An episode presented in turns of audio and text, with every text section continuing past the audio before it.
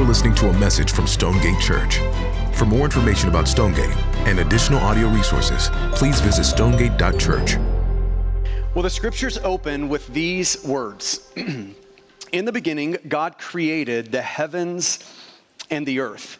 And think about what's happening in that sentence. In that first sentence of the Bible, we are meeting God, who's the main subject of the Bible, the main character of the Bible. And in that sentence, God is working. Like he's doing some things. He's creating the heavens and the earth. And for the next six days, he forms his creation, making it habitable for people uh, where you and I, people like us, can, can live in it. And then after six days of his creative work, uh, it says that God rested on that seventh day. So we get, uh, in that first chapter of the Bible, we get these six days of work and that one day of rest type of rhythm. And this is our first clue in the Bible of how God has made his world to work, that God has made his world with a rhythm. There's a rhythm that he has inserted into it. The world works, God's world works like music. Uh, uh, for this Christmas, my nephew got a new set of drums.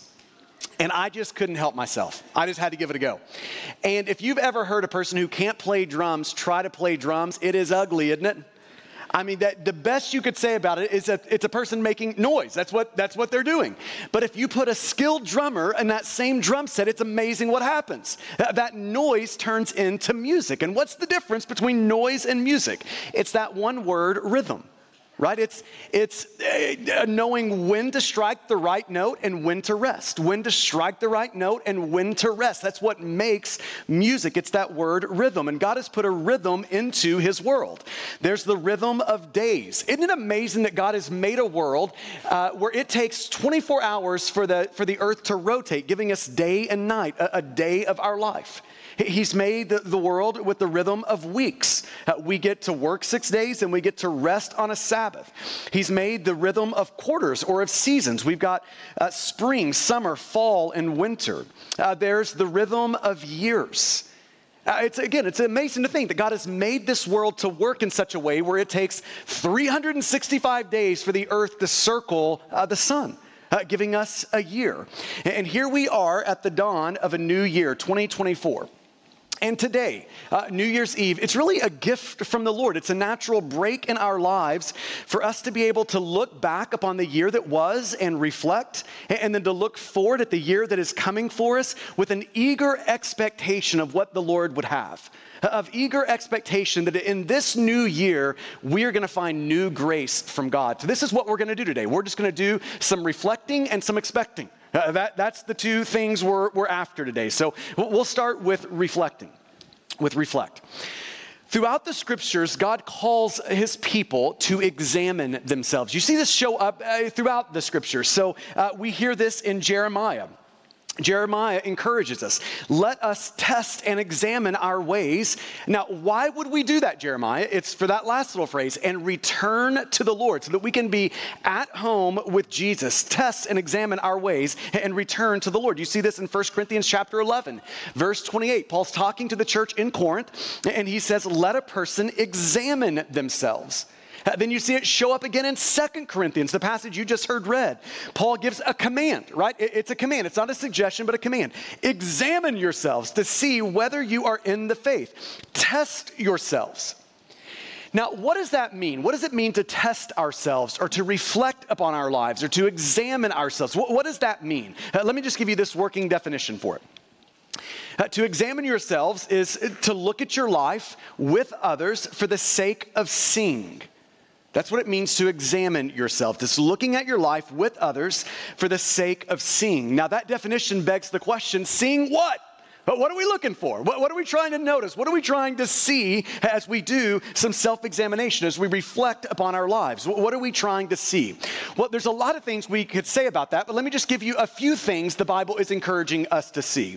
Uh, the Bible is clear that uh, part of what we're doing in self examination is we're looking at our life with others for the sake of seeing if we're saved if we actually know the Lord. That's the particular context of, of 2 Corinthians chapter 13. Paul's encouraging the church in Corinth uh, to step back from their life and to ask this big question about their lives Do I know Jesus? Is Jesus in me? Has there been a moment when I have trusted the risen Jesus who lived for me and died for me? Do I know that God? Do I know Jesus? That's uh, the point he's making in 2 Corinthians 13. And I think it's just a good moment to stop and just say, when, when's the last time you've asked yourself that question? Do, do I know Jesus? Have I trusted in the life, death, and resurrection of Jesus? Have I been rescued by him? Have I given my life to him? Do I, do I know Jesus? I, I don't think we need to ask that question every day of our life, but, but I think once a year, that's probably a good question to ask. Because the Bible is clear that there's going to be some people who stand before Jesus one day thinking they knew Jesus, only to find out that they didn't know Jesus. Just read Matthew chapter 7, right? You've got these people saying to Jesus, Lord, Lord, did not prophesy in your name, cast out demon in your name, did do all these mighty works in your name. And the Lord looks back to them. Jesus looks back and says, Yeah, but, but I never knew you. Depart from me. So, so this is a question we ought to ask periodically Do I know Jesus? Friend, do you, do you know Jesus? Could there be any question in your life more important than that one? Do you know Jesus? Have you trusted Jesus? Have you surrendered to Him? Have you turned from your sin and thrown your life on the life, death, and resurrection of Jesus? If not, what a great way to start a new year.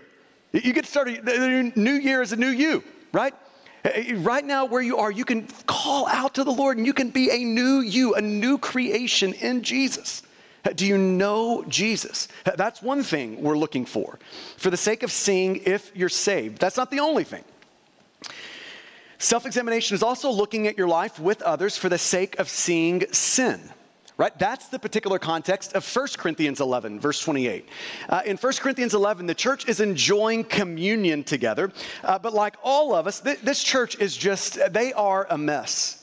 Uh, they've got so many things going on in this church, and uh, in particular around communion, they're a mess. So just picture the moment of a church taking communion, right? So you've got uh, the meal, uh, right, the bread, and you've got the wine. And they're in the middle of enjoying communion together, but the rich keep cutting in front of the poor. And by the time the rich finish, all the food is gone, and there's nothing left for the poor in the church in Corinth. You've got all of that going on in communion. And Paul says uh, in this church, uh, they're getting drunk on the communion wine. Now, I'm just saying, if that's showing up in a church, that church is messed up. Can we all agree with that? That, that is a messed up church. And it, it's so messed up that, that the command to examine yourself almost feels comical. You wouldn't think Paul would need to say to a church that's getting drunk at communion, the rich people are eating all the food, uh, right? The poor people aren't getting any of the food in, in, the church. You wouldn't think he would need to say to that church, you probably ought to take a minute to look at your life. You, you probably need to, to do a little bit of reflection, a little bit of self examination to see you've got some problems there. You, you, wouldn't think he would need to say that. You would think uh, that this sin would be obvious to them, but it wasn't obvious to them. And, and I think there's a lesson there, a warning for all of us.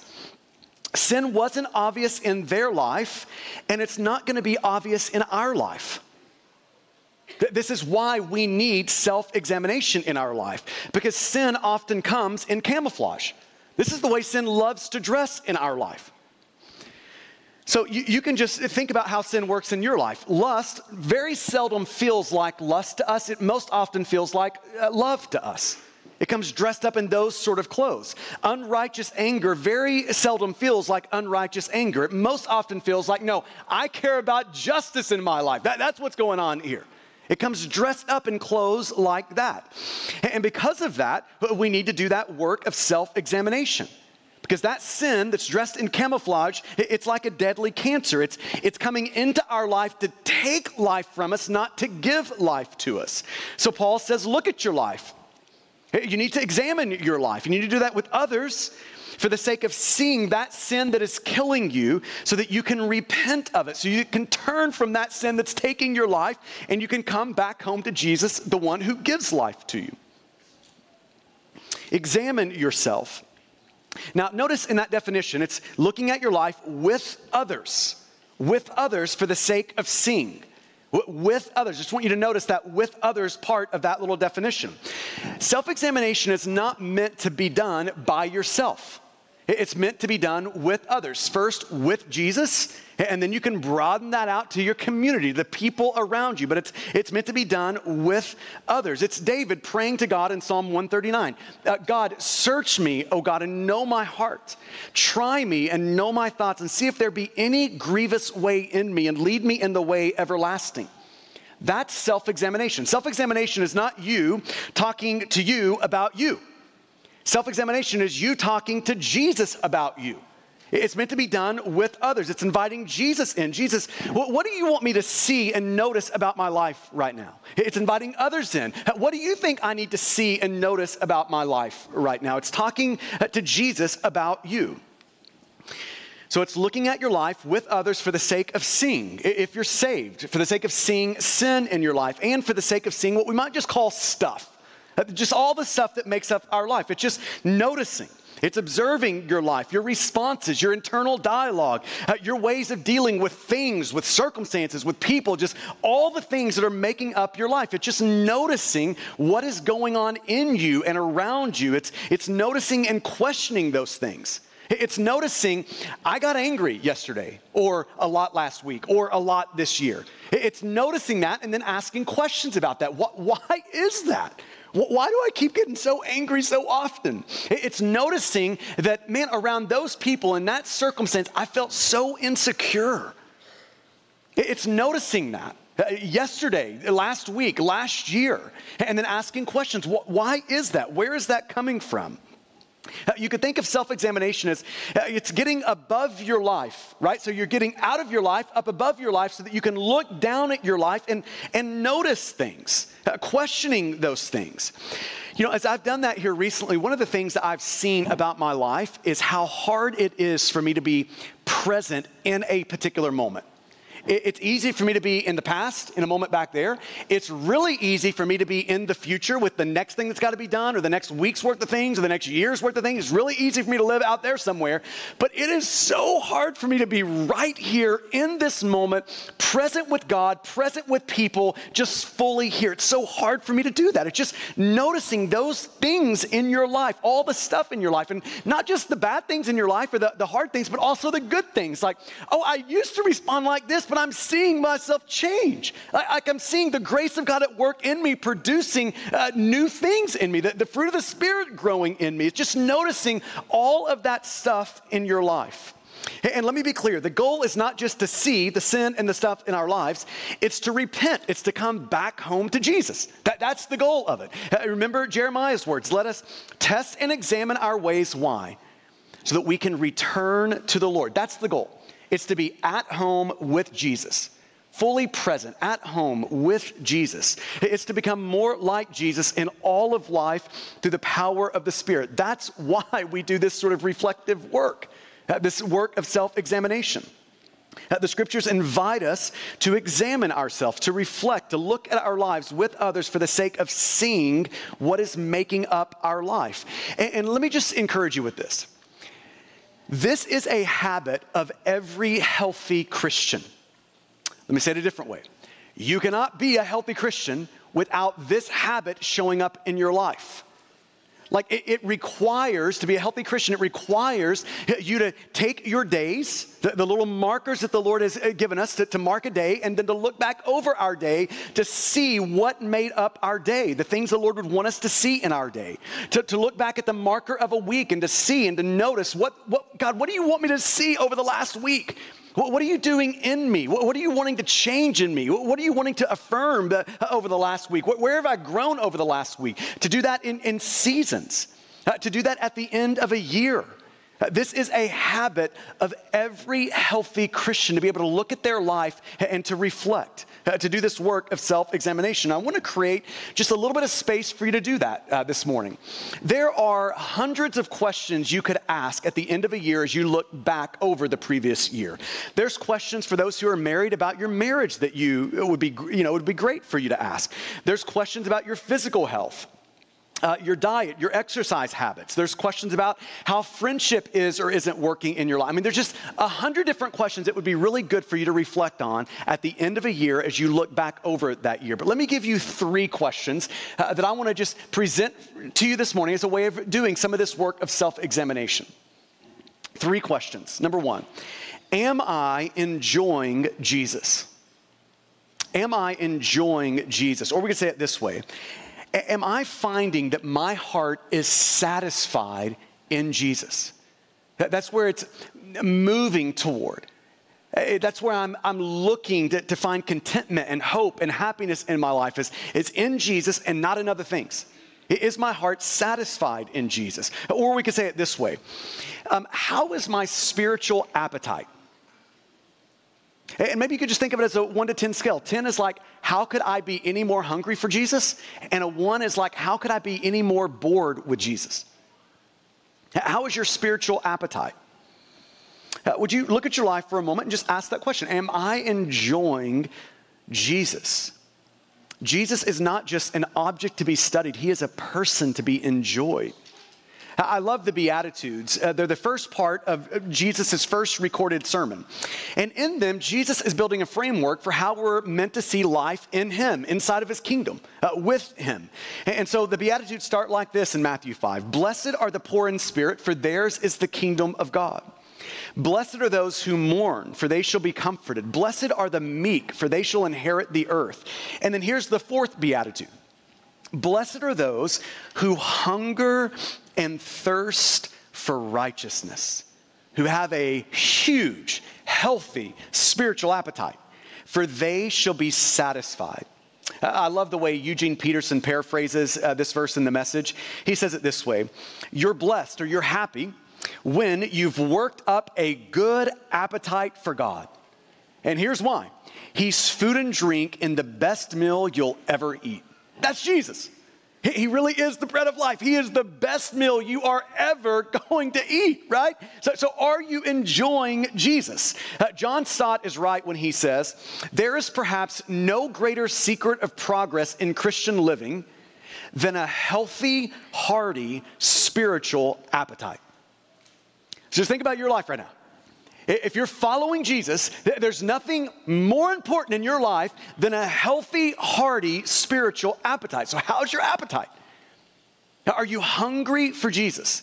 Now, think about this in your physical life. Uh, when you lose your physical appetite, like if you were just to go like, man, I haven't eaten in like two weeks and I'm not hungry.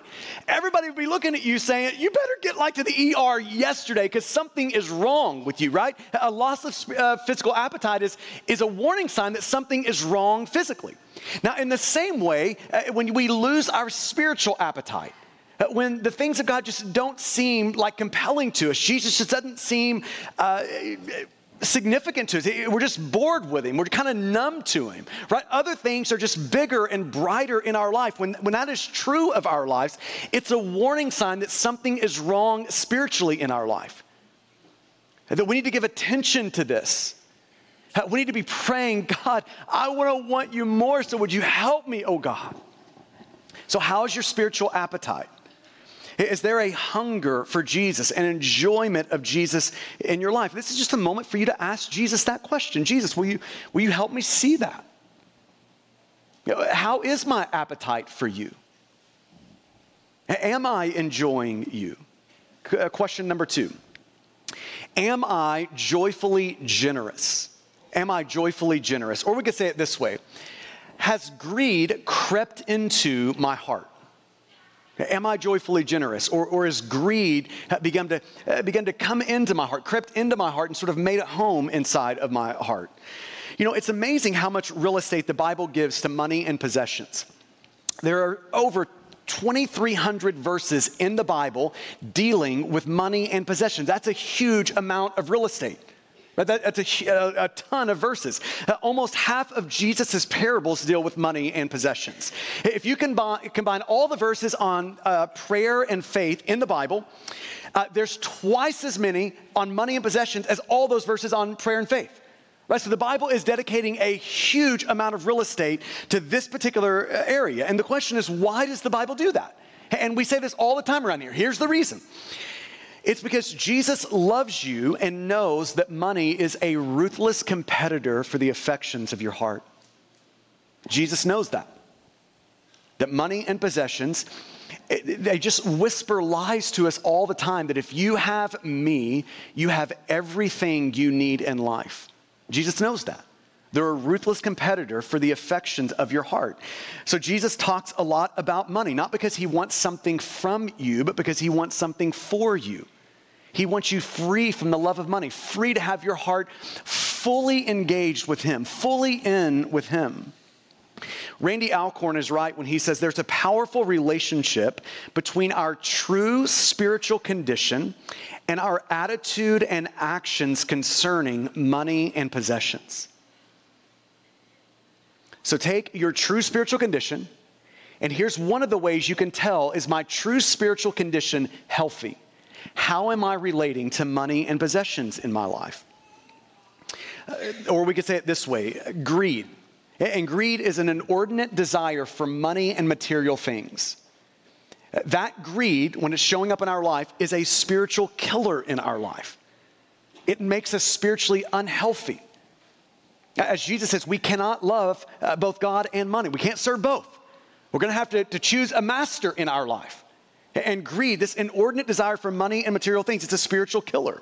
Uh, in December, I jumped into a, uh, or with a crew of guys, and we were reading uh, the whole New Testament in the month of December in 30 days. And it was amazing. Uh, it was such a helpful 30 days just immersing ourselves in the New Testament. And one morning, uh, we were in 2 Peter, and I came across this sentence 2 Peter chapter 2, verse 14. Peter says, they have trained, or they have hearts trained in greed. They have hearts trained, like disciplined in, trained in greed. Can you see that in you anywhere? I, I can see that in me. A heart that has been trained in various ways in greed. And listen, we're all living in a culture that is an expert in that training that like does a wonderful job of discipling us, training our hearts in greed. It does a wonderful job at that. It's all about doing that.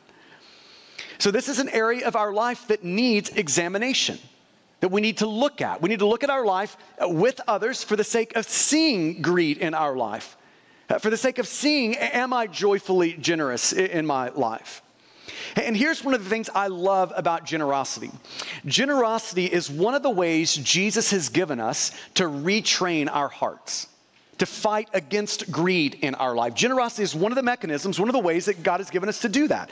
Every time we give, we're reminding our hearts that Jesus is the bread of life. Jesus is the one who satisfies, money is not. Every time we give, we're reminding our heart that money is a gift from God. It is not God. And every time we try to make money a God, it just goes bad for everyone. It's a way of training our hearts, retraining our heart away from greed to, to joyful generosity, to Jesus. And when it comes to giving, the, the New Testament sets a new standard. And the New Testament standard is sacrificial generosity uh, giving to the point of pain, to where it actually costs something in our life. Right? The tithe, which is 10% of our income, is not the New Testament standard of giving.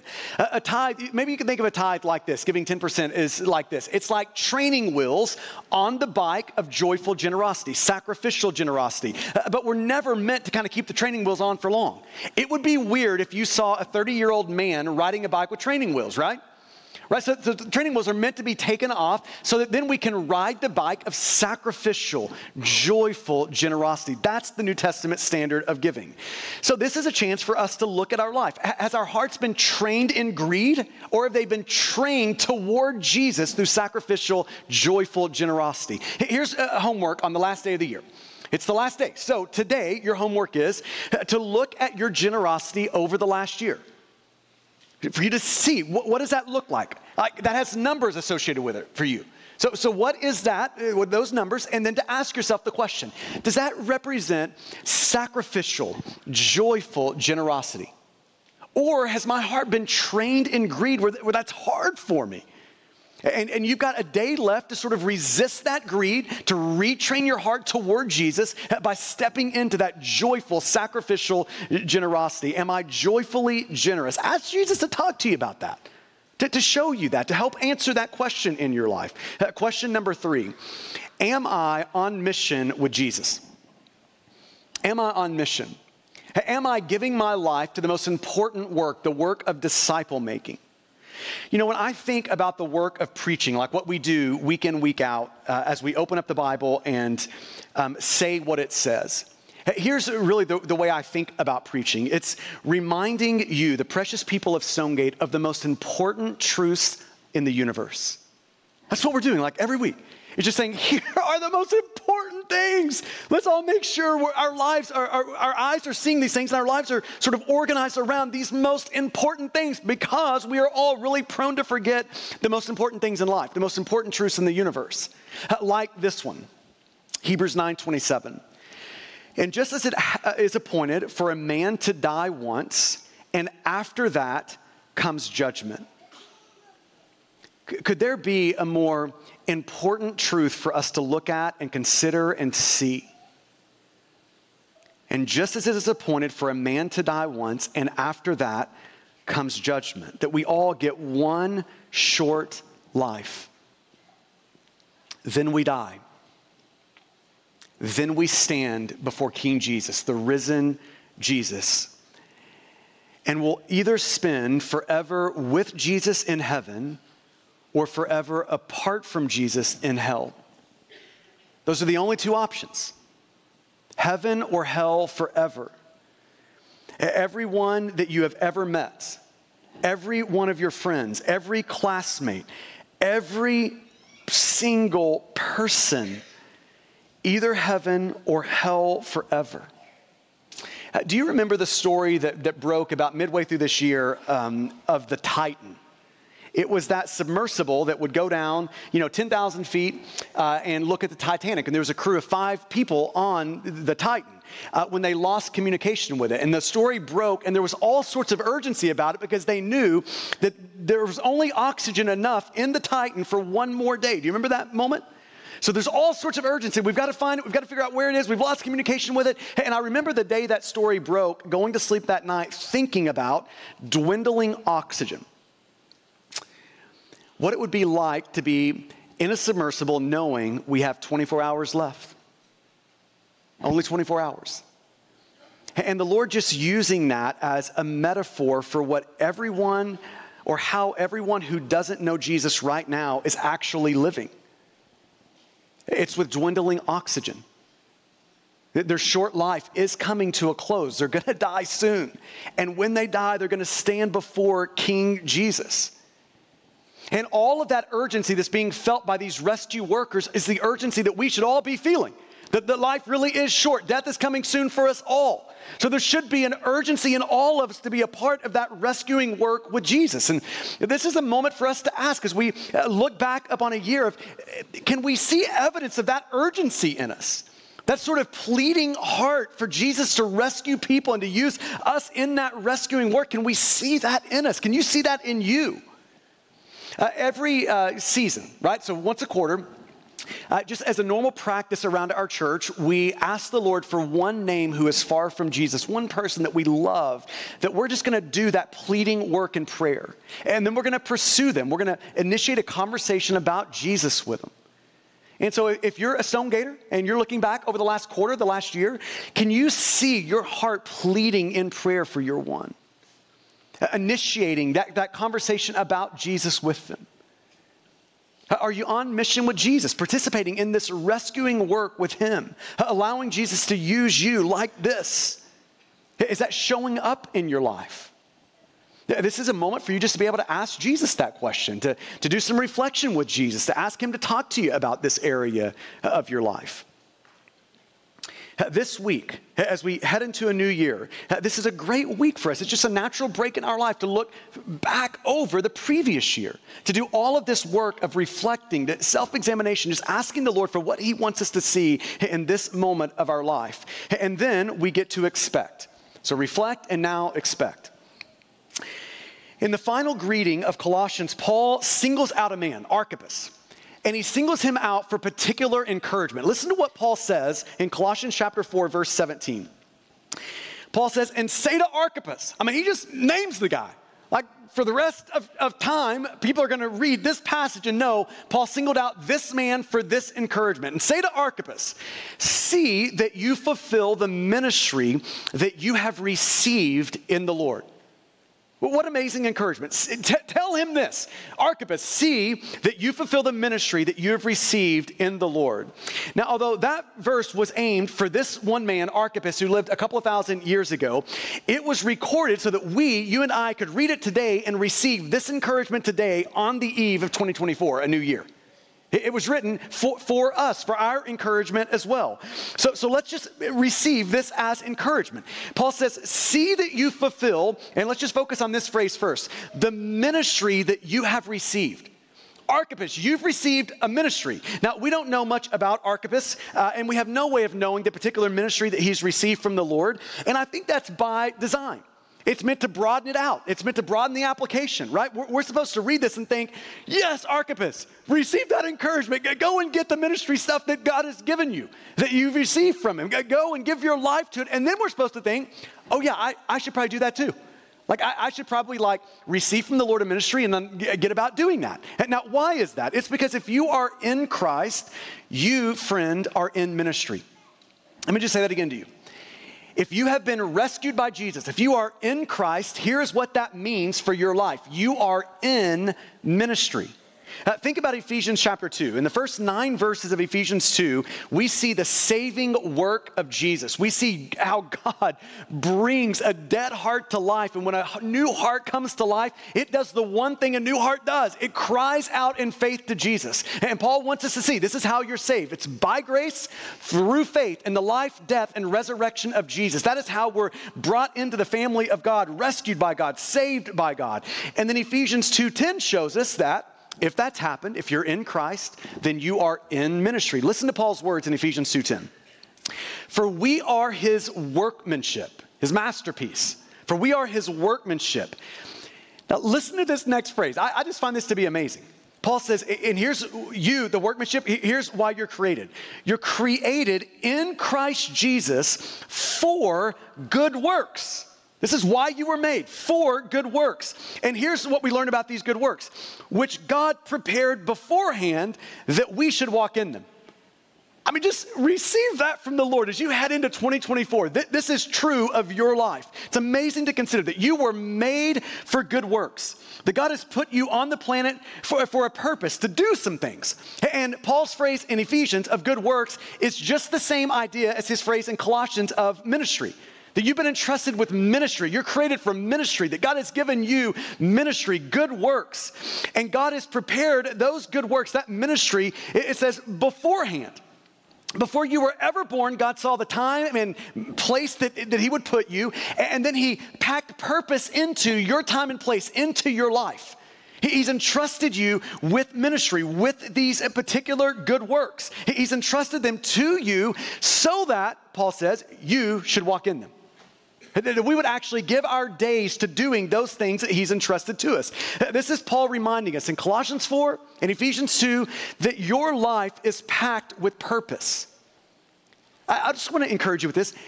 Your life has meaning. It may not feel like that to you today, but your life has meaning. God has packed it with purpose. He has infused meaning into your life. If you are in Christ, you are in ministry. So let's just pause here and consider that. What is the ministry that Jesus has given you, the good works that Jesus has given you in the next year, in 2024? This is a great moment for you to ask the Lord to fill your heart with vision for the next year. Vision for the next 12 months. God, what do, you, what do you want for my life? God, God, you who hold my life in your hands, what have you planned for me? What, what are you asking of me in the next uh, 12 months? What's the ministry that you, you're setting before me, that you're giving to me this year? Now, there are general things we know about the good works in the ministry that the Lord has entrusted to us. We know that in every year, God has called us to enjoy Him, to love Him, and to love our neighbor. Right? We, we know that God is calling us to do that every year of our life. So we know that there is this general calling and general ministry that the Lord has given us to love Him and to love our neighbor. And we know that in each season of our life, that general call to love God and neighbor has a particular focus.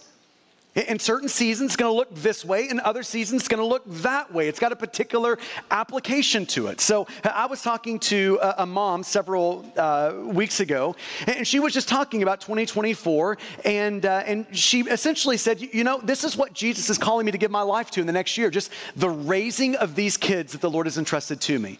And I'm just looking at her and I'm like, yes, that is a wonderful thing that the Lord is setting before you over the next 12 months. It's not flashy.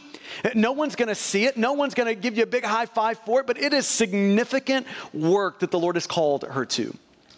For others, part of your ministry is going to be leading a group. For others, it's going to be in a student ministry, or in a kids ministry, just making sure the good news of Jesus gets passed down to the next generation. For, for some, uh, you're going to be giving your life to help struggling marriages.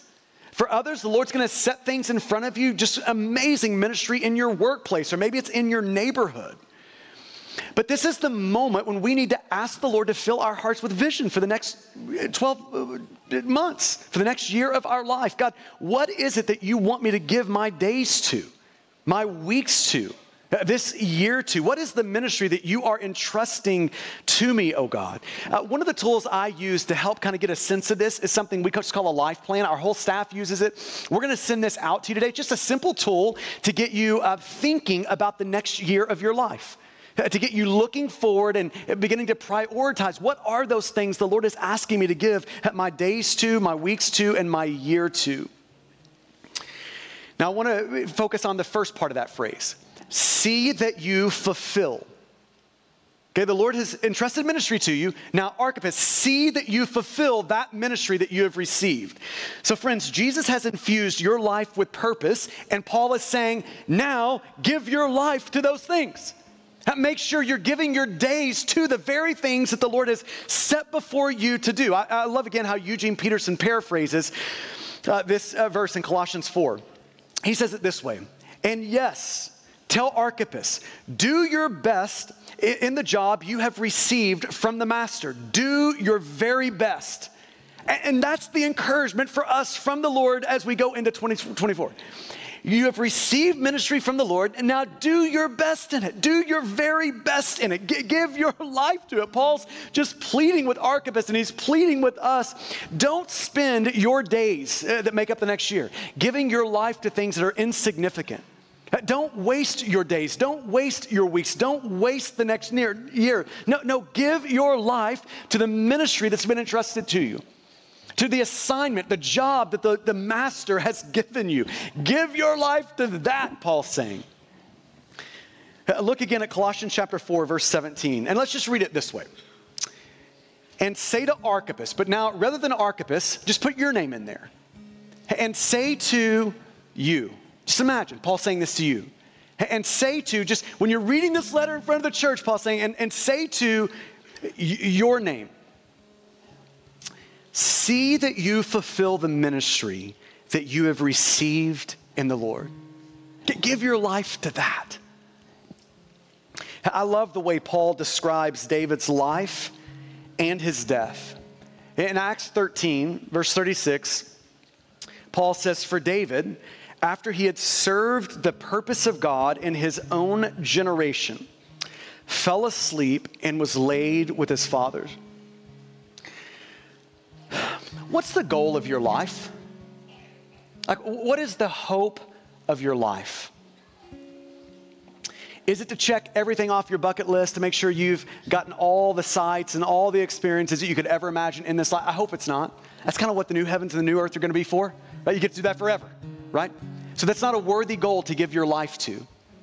But, but here's a worthy goal for your life to serve the purposes of God in your generation. To give your life to the very things that the Lord, before you were ever born, gave you to do. To run the race that He has given you to run. To do your best in the job that you have received from the risen Jesus. And then, friends, we get to fall asleep one day and we get to wake up to the risen Jesus. That's a great goal for our days, for our life. So, church, let's walk into 2024 full of vision, just dreaming with Jesus about what he has for us, about the ministry that he's entrusting to us. And then, friends, let's give our days, our weeks, our year to that work. Amen? Let's pray together. I'm going to give you just a moment to allow the Lord to speak to you and to talk to you. And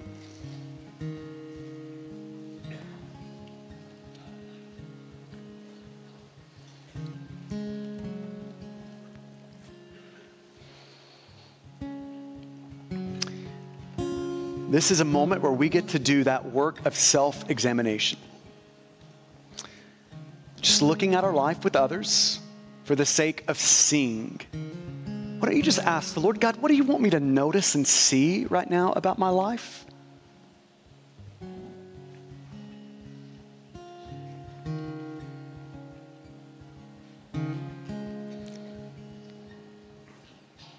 Am I enjoying Jesus? Do I have a, a healthy, hearty spiritual appetite? Am I joyfully generous? Jesus, am, am, I on mission with you? Can I, can I see evidence of a pleading heart for the lost in me?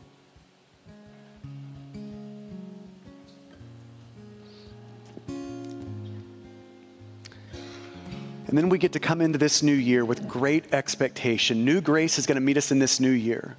And friends, Jesus has given you things. Y- you things. He's entrusted things to you, good works to you, ministry to you. And just here in this moment, can we say to Jesus, Jesus, this year is yours. I am giving this year to the work that you have entrusted to me. So, Jesus, show me that work. And God, here is my life. Here it is.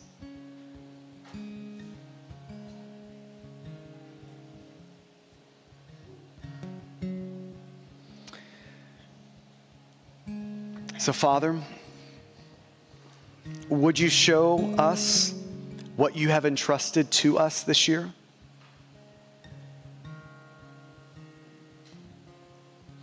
Would you help us see the, the ministry that you've given us?